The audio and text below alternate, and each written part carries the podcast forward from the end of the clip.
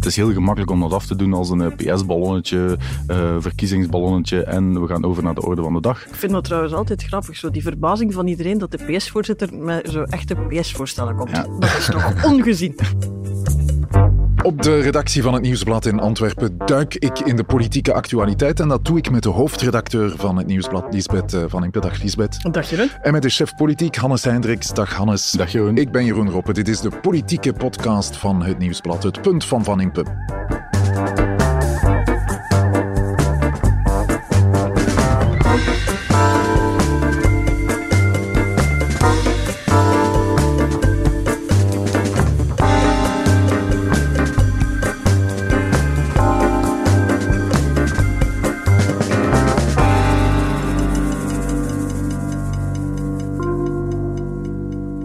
Heb de jongste dagen veel zien passeren, Lisbeth Hannes, waar ik het eh, met jullie over zou willen hebben. Een werkweek van vier dagen, Lisbeth, lijkt je dat wat? In deze job is dat een beetje een utopie, maar als ik in mijn zetel zit en denk vier dagen werk en drie dagen weekend... Hm, met behoud van loon, hè?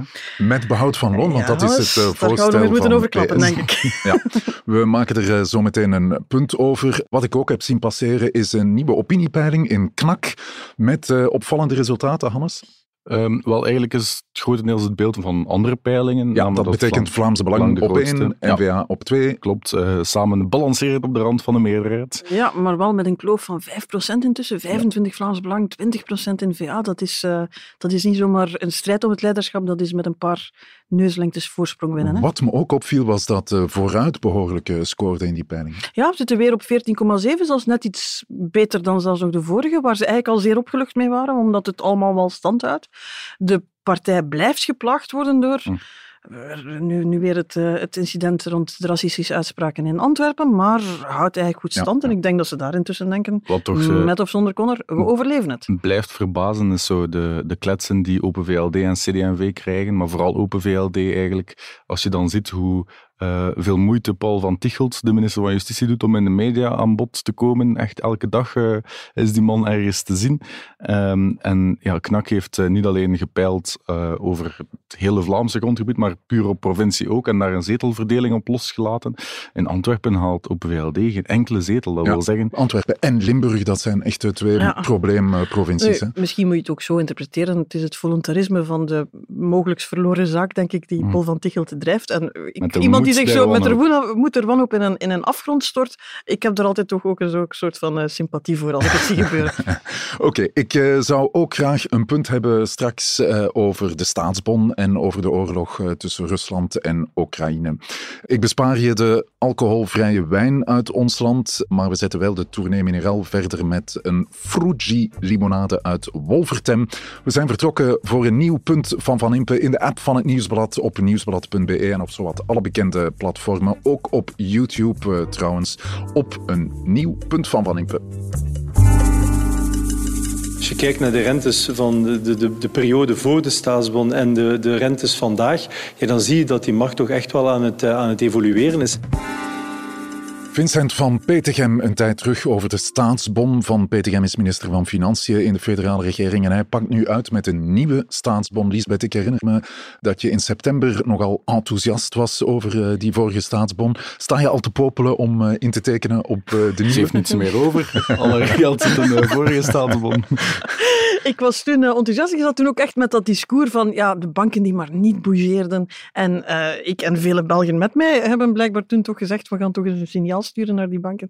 Je voelt wel dat de discours nu helemaal gekeerd is en ja, dat, dat de, de politieke positionering er rond um, probeert um, eigenlijk het, het, het, immense succes van de vorige keer willen ze niet nog eens overdoen. Ja, even voor alle duidelijkheid, uh, Hannes, want ik ben geen held in financiën. De staatsbond, dat uh, is iets dat de overheid gebruikt om de staatsschulden te financieren. Ja, Zo is inderdaad. het. Uh, dus ja, ze financieren die staatsschulden op verschillende manieren. Hè. Ja. Dus ze gaan die herfinancieren. Dat kan bij grote instellingen, maar dat kan ook bij burgers. Ja. Jij en ik, iedereen kan dan een staatsbond kopen en op die manier de staatsschuld helpen uh, financieren. Ja, en om van die nieuwe staatsbon een succes te maken, moet de roerende voorheffing naar omlaag. Wel, dat was het deel van het succes de vorige keer, dat ze zeiden van ja, normaal betaal je 30% roerende voorheffing op die opbrengst. En de regering gezegd van kijk, we gaan daar 15% van maken. Waardoor dat je natuurlijk netto meer overhoudt. En toen netto een stuk meer overhield dan wat de banken beloofden.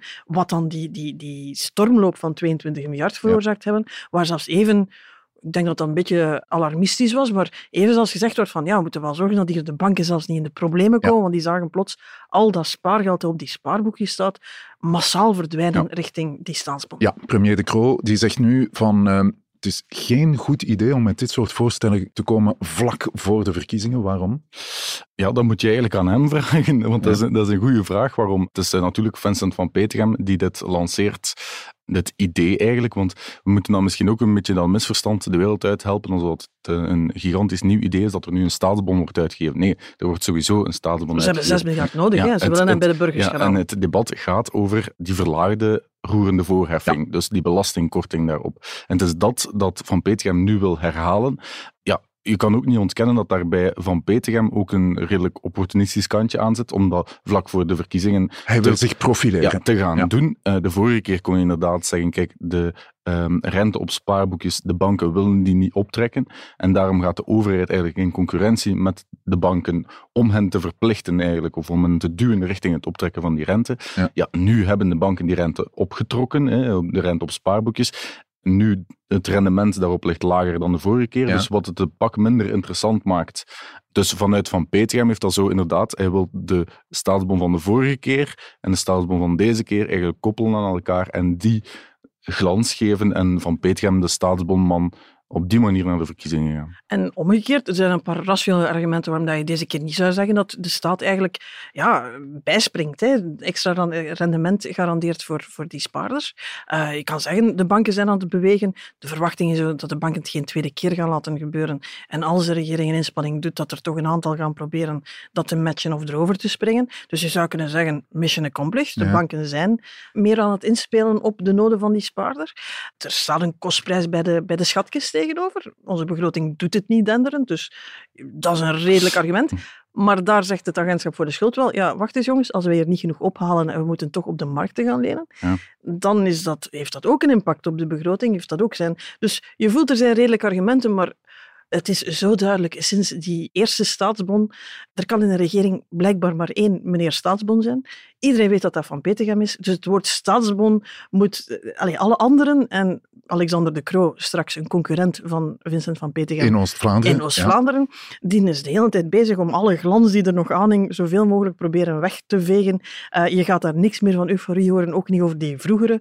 Ja, daar is plots voorzichtigheid en uh, goed huisvaderschap uh, de norm geworden. Ja, want dat is iets wat je de Croo vaak hoort zeggen. Een term die hij vaak gebruikt, als een goede huisvader. Dat is een beetje het beeld dat hij wil uh, creëren. Ik, de goede huisvader. Ja, die let op de centen en daar zorgvuldig mee omspringt. Ja, ik denk dat als je naar de begroting in zijn totaliteit kijkt... Dat moeilijk punt om te ja, maken. moeilijk punt om te maken. Hè. Ik kan dat misschien maken tegenover Van Peter, maar tegenover de oppositie zal dat toch iets moeilijker zijn, hè, denk ik. Ten meer omdat ook elke econoom zegt dat het uh, argument van ja, deze staatsbon en het fiscaal voordeel erop gaat de begroting bezwaren gewoon niet opgaat. Dat is omdat op het spaarboekje, daar is ook een fiscale korting op. Ja. En de verwachting is dan dat er veel geld van het spaarboekje naar die staatsbon gaat en het ja, eigenlijk gewoon meer zal opleveren voor de staat dan ja. dat het op het spaarboekje blijft staan. Mag ik uh, dan stellen dat ze het van Petergem ook niet gunnen, net zoals ze hem geen fiscale hervorming hebben gegund en, en ook wel uh, andere dingen niet hebben gegund? Uh, het valt al een tijdje op dat als je met andere leden van de regering spreekt, het steekt een beetje hoe Van Petergem eigenlijk weggekomen is met zijn mislukte fiscale hervorming. Heeft hij aan heel de natie verkocht als dit is wat je van mij zou krijgen. En het is helaas door al die anderen dat ja. dat niet gelukt is. Ze vinden dat hij daar toch wel goed weggekomen is. Dan is die staatsbond er bovenop gekomen, waar, ja, wat gewoon een succes was. En wat heel persoonlijk op hem kleefde. Ja, ik heb de indruk dat de rest zegt, het is wel goed geweest. En dat er nu gezegd wordt dat uh, minister Van Petegem ook niet ja, zo handig is dat dit altijd er kan uitslepen. Het is eigenlijk doorheen de legislatuur slechter en slechter beginnen lopen tussen de Croo en Van Petegem ja. ook. Eigenlijk zijn ze in het begin wel redelijk goed gestart met die effectentax, vergroening van de bedrijfswagens ook. Maar dan het is fout beginnen lopen bij het aanpakken van de sportsector. Ik weet niet of dat je dat nog weet, maar de NMR heeft dat gekelderd, die plannen van, uh, van Van. En ja, we weten, als de NMR iets doet, dan moet een open VLD er een beetje als een schoothondje achterlopen. Uh, dus de NMR heeft dan ook de fiscale hervorming gekelderd. En ja, op die manier is er eigenlijk een soort vete ontstaan tussen uh, de christendemocraten en de liberalen. Ja, die toevallig in dit uh, geval in dezelfde provincie opkomen hè, voor de verkiezingen van Petergem en de Croo. rechtstreekse concurrenten van twee partijen die aan het vechten zijn voor iedere stem en iedere zetel. Ja, en dan, dan strooi je niet meer met dat soort uh, meevallers als uh, een extra rendementje op de staatsbon. Oké, laten we hier eens een punt over maken. De discussie over de nieuwe staatsbon tussen premier De Croo en minister Van Petegem is vooral profileringsdrang voor de Oost-Vlaamse kiezer? Ik denk dat dat vandaag dat we inderdaad gewoon te dicht bij de verkiezingen zitten om nog met dat soort trofeeën uh, te kunnen leuren. Ze zitten nu samen. We zullen misschien op het einde van uh, onze opname nog eens checken of dat ze buiten gekomen zijn. Vandaag denken we, het gaat er niet van komen, dat, dat extra fiscaal voordeel of die lagere uh, roerende voorheffing. Je kan nog nooit weten dat het anders uitdraait in het overleg binnen de regering, maar ik denk dat het een veilige gok is om te zeggen dat ze zeggen van het was allemaal al zot genoeg. We gaan gewoon met het uh, rendement dat uh, normaal is. Het punt van Van Impe.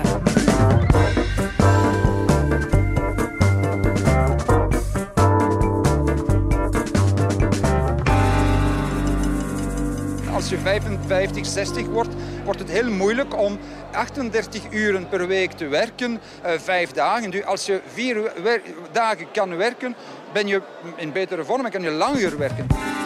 Paul Magnet, de voorzitter van de PS, de grootste regeringspartij in ons land, pakt uit met een opvallend voorstel. Magnet vindt dat 55-plussers op termijn nog maar vier dagen per week eh, moeten werken voor hetzelfde loon als nu. Dat voorstel doet hij trouwens in opvallend goed Nederlands. Hè. Zijn Nederlands uh, wordt met de dag beter. Ja, het steekt ook af tegenover andere Waalse partijvoorzitters. Die ook allemaal Louis, premier willen worden. ja, George Louis niet te noemen. Uh. Ja, is dat echt met het oog op het premierschap dat hij zo aan zijn Nederlands gewerkt heeft? Ik het kan zijn dat het liefde voor de Nederlandse taal is, maar in deze tijden en, en, met alles wat er staat te komen, zou ik niet uitsluiten dat er een extra taalbadje ja. besteld is. Hannes, wat vond je uh, van zijn voorstel? Ik vond het opvallend. Het was heel duidelijk gericht op uh, een zo groot mogelijke mediastorm veroorzaken. Zo gaat dat dan. Daar is met, hij uh, in geslaagd. Daar is hij met verre in geslaagd. En tegelijk vind ik het ook wel um, een heel interessant debat dat er mee op gang is gekomen. Het is heel gemakkelijk om dat af te doen als een PS-ballonnetje,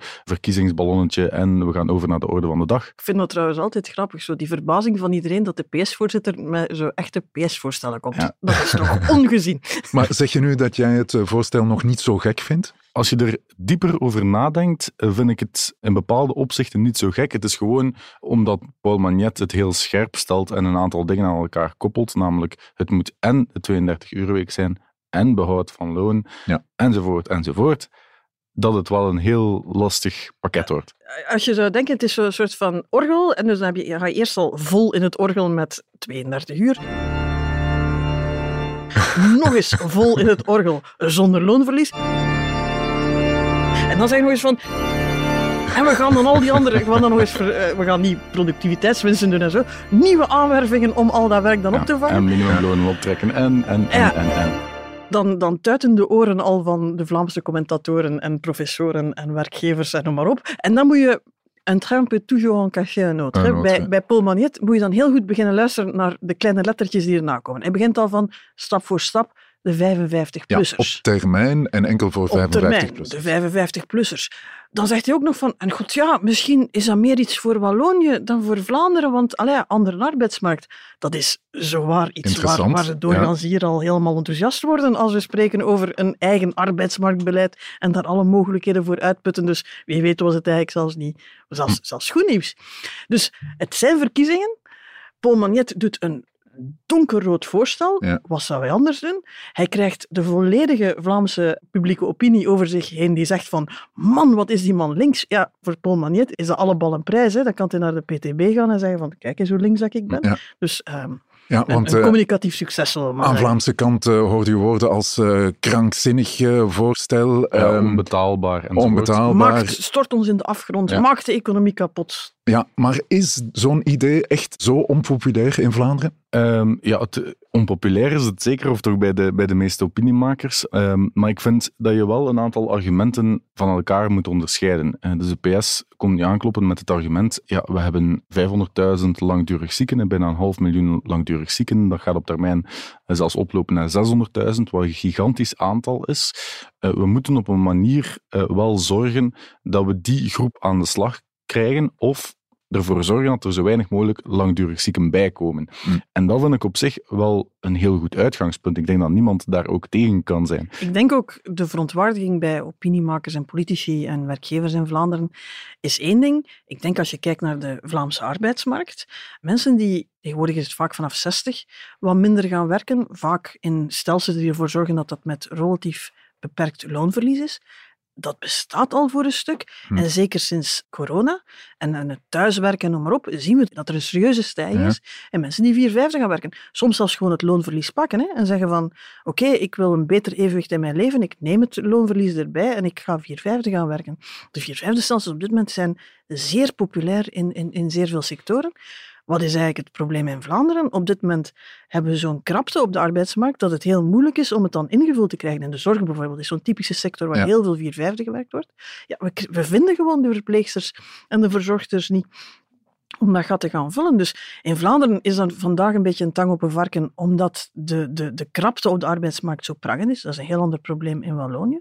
Maar het idee dat je aan het evolueren bent naar een samenleving waar vier vijfde werken veel normaler is, ja, daarvoor moet je in Vlaanderen ook maar af en toe eens rondkijken en zien dat dat eigenlijk hm. volop bezig is. Ja, en het uh, onderscheid dat uh, Magnet maakt tussen uh, Vlaanderen en Wallonië is op zich wel een serieuze opening die hij maakt. Ja, inderdaad, hè, dat klopt. Op zich, nu stond het al in, het regeerakkoord dat er een ander arbeidsmarktbeleid zou kunnen gevoerd worden in Vlaanderen en Wallonië. Dat, dat, is uiteindelijk totaal door de letter gebleven. Maar bon, dat zal ja, bij de regeringsvorming sowieso terug op tafel komen.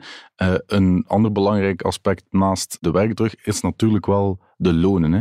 Als je zegt, dit moet met loonbehoud zijn, ja, ik denk dat dan vooral veel Vlaamse KMO's, hè, want in, in Vlaanderen zijn er veel meer KMO's dan in, eh, in Wallonië, eh, dat die zich dan wel in de haren zullen krappen van ja, hoe moeten wij dat ooit gaan betalen?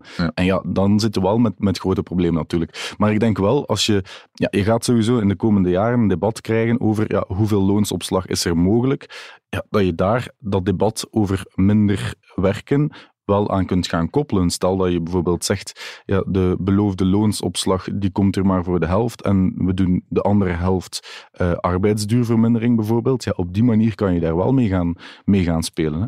Ja. ja. Het is een verkiezingsvoorstel van de PS. Je kan hem niet kwalijk nemen dat, hij, dat zijn openingsbod is dat het met behoud van loon is. Ja. Als er verder zou over gesproken worden, ga ik ervan uit dat we nog ergens anders gaan landen. Dat dat dan door de klassieke uh, gehaktmolen gaat waar ieder voorstel door moet. Oké, ik denk dat ik het begrepen heb. Tweede punt van vandaag. Het uh, eh, PS-voorstel voor een 32-uur week was een bewuste poging om uh, de Vlamingen of de Vlaamse politiek op stang te jagen. Maar eigenlijk, als je erover nadenkt, zitten er wel interessante dingen in en kunnen die een interessant debat openen. Ja, en Hannes, ga. ja, nee, ik denk sowieso richting verkiezingen en richting regeringsvorming dat de afweging tussen welzijn en welvaart een heel belangrijk is en dat die twee in balans moeten zijn. Uh, dat in dit voorstel van Magnet het veel te veel overhelt in de richting van welzijn en we ook met welvaart moeten rekening houden. Maar bon, ja, het is sowieso... We, we zitten nu eenmaal in een context waarbij er coalities gevormd worden en dit voorstel zal het sowieso niet halen. En laten we zeggen, de komende maanden, iedere keer als er iets gebeurt waardoor het PS en, uh, laat zeggen, het rechtse Vlaanderen een karikatuur van elkaar kunnen maken en daar uh, heel veel airplay mee krijgen en heel veel aandacht mee krijgen. Ja, PS, ga ervan uit Partie dat, de la sieste, Partij van de Siesta. Maar ga er dan vanuit dat uh, beide kanten in dit debat tevreden naar huis gaan, want ze zijn in het nieuws gekomen zoals ze dat heel graag willen. Het punt van Van Impe.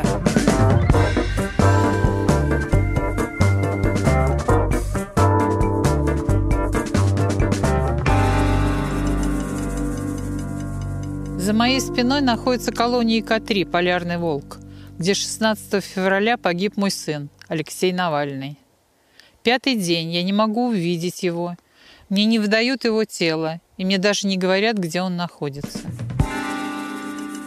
De moeder van Alexei Navalny hoorde je de overleden Russische opposant. Er wordt gezegd dat hij is omgebracht eh, volgens een oude KGB-techniek door hem eh, uren in de ijzige kou eh, te laten staan en hem daarna uh, met een tik ter hoogte van het hart uh, om te brengen.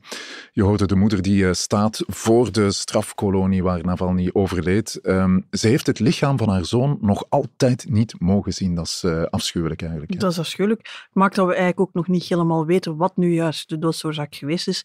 Maar eigenlijk is het heel duidelijk dat... dat ik, ik, die, die familie wil dat weten natuurlijk, maar... Ja iedereen weet dat dit het gevolg is van wat Poetin beslist heeft dat met Navalny moet gebeuren. Dus dat is een opeenvolging van maatregelen die eigenlijk allemaal erop gericht waren dat vroeg of laat het toch moest gebeuren dat Navalny dit niet zou overleven. Ja, een beeld uh, van die moeder, ja, dat zegt uh, alles over het regime uh, vandaag in Rusland. ja, de vreedheid van het regime spreekt daaruit. Hè, en dat is wat we hier in, in, het Westen nu, nu zien. Een medogeloze dictator waar geen oppositie tegen mogelijk is, waar niemand iets tegen in te brengen ja, Hoe zit dat eigenlijk in Rusland? Het is niet nieuw, hè, voor alle duidelijkheid. We hebben al Politkovskaya, ja. die vermoord is um, op de verjaardag van Poetin, waar altijd gezegd is, ja, dat zal wel geen toeval zijn. We hebben Boris Nemtsov, een figuur die ergens wel vergelijkbaar is met Navalny, die uh, in de buurt van het Kremlin uh, neergeschoten is.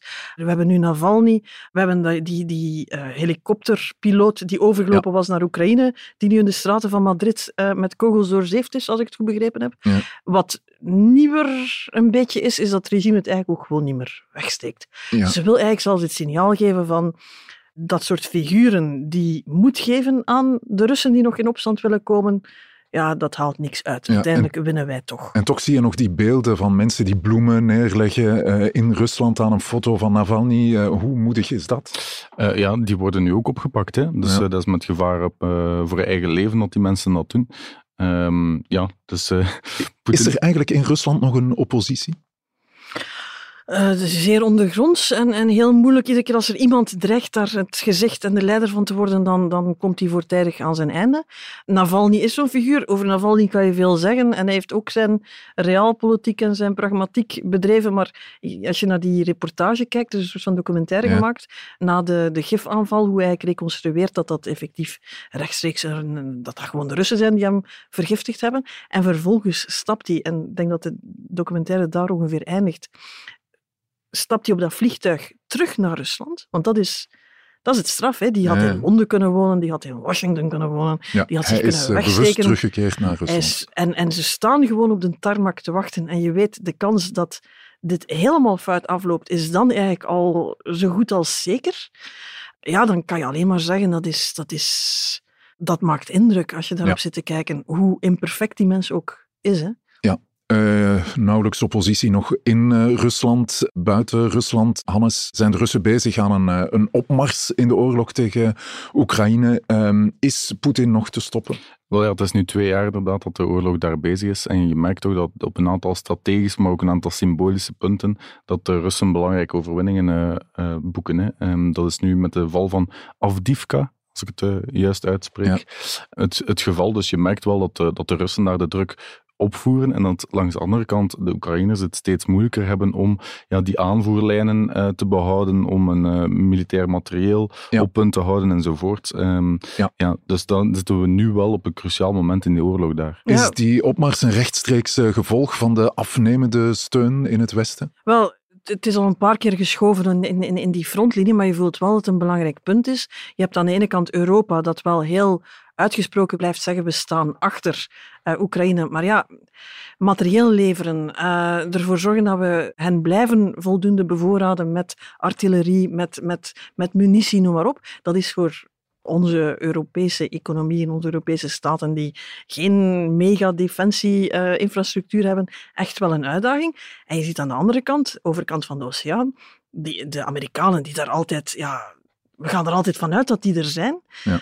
Uh, daar uh, is er heel veel discussie over het voortzetten van de militaire en financiële steun. Niet bij Joe Biden, maar bij de Republikeinen. Die zijn daar verdeeld over. Maar er is een grote fractie van de Republikeinen die op dit moment het aan het tegenhouden zijn. En daar zit iedereen te kijken. Als Trump komt, dan is het waarschijnlijk over en out. Dan, dan ja. stopt die steun waarschijnlijk. Dus daar zit je met een heel belangrijk moment.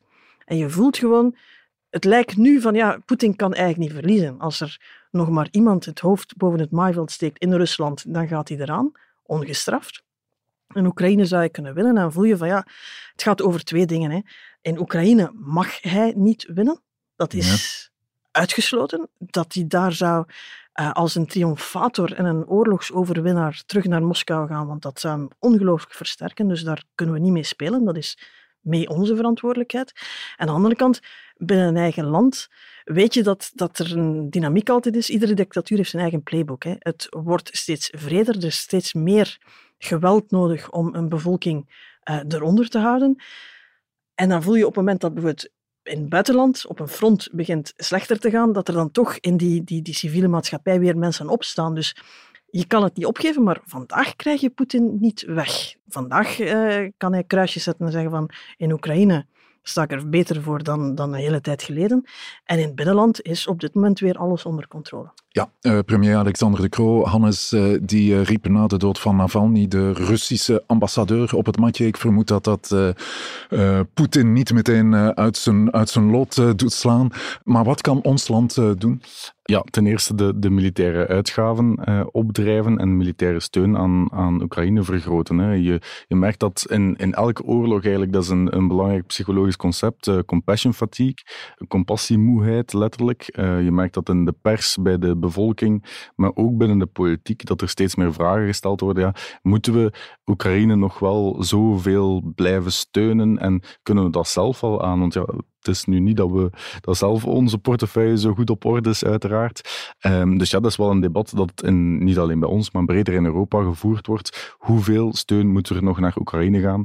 Um, maar ik denk dat ja, heel belangrijk is dat die uh, niet opdroogt, uh, want anders krijg je een soort domino-effect. Als Oekraïne valt, wat is het volgende land? Het zal ergens in de Baltische Staten zijn en dan uh, zijn we verder van huis. Ja je voelt wel, minstens de lippendienst is er nog altijd. Hè. Er wordt nog altijd, uh, er komt weer een verjaardag aan en dan, uh, jij, gaat, jij zit zelf in Kiev. Hè? Ja, ik uh, vertrek straks inderdaad. Onze premier gaat naar daar, dat is opnieuw om te zeggen, we blijven Oekraïne steunen.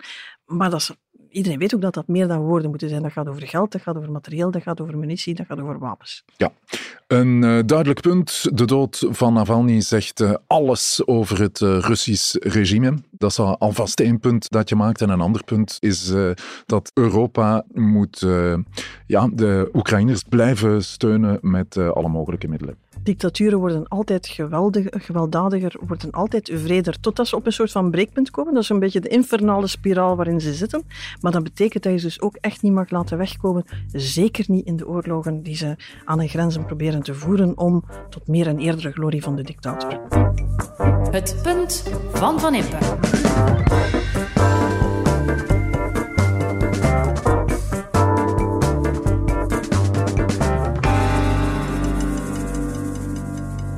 De punten zijn gemaakt met een eh, heerlijke limonade erbij van Frugi uit Wolvertem, een deelgemeente van Meissen is dat vlakbij Brussel.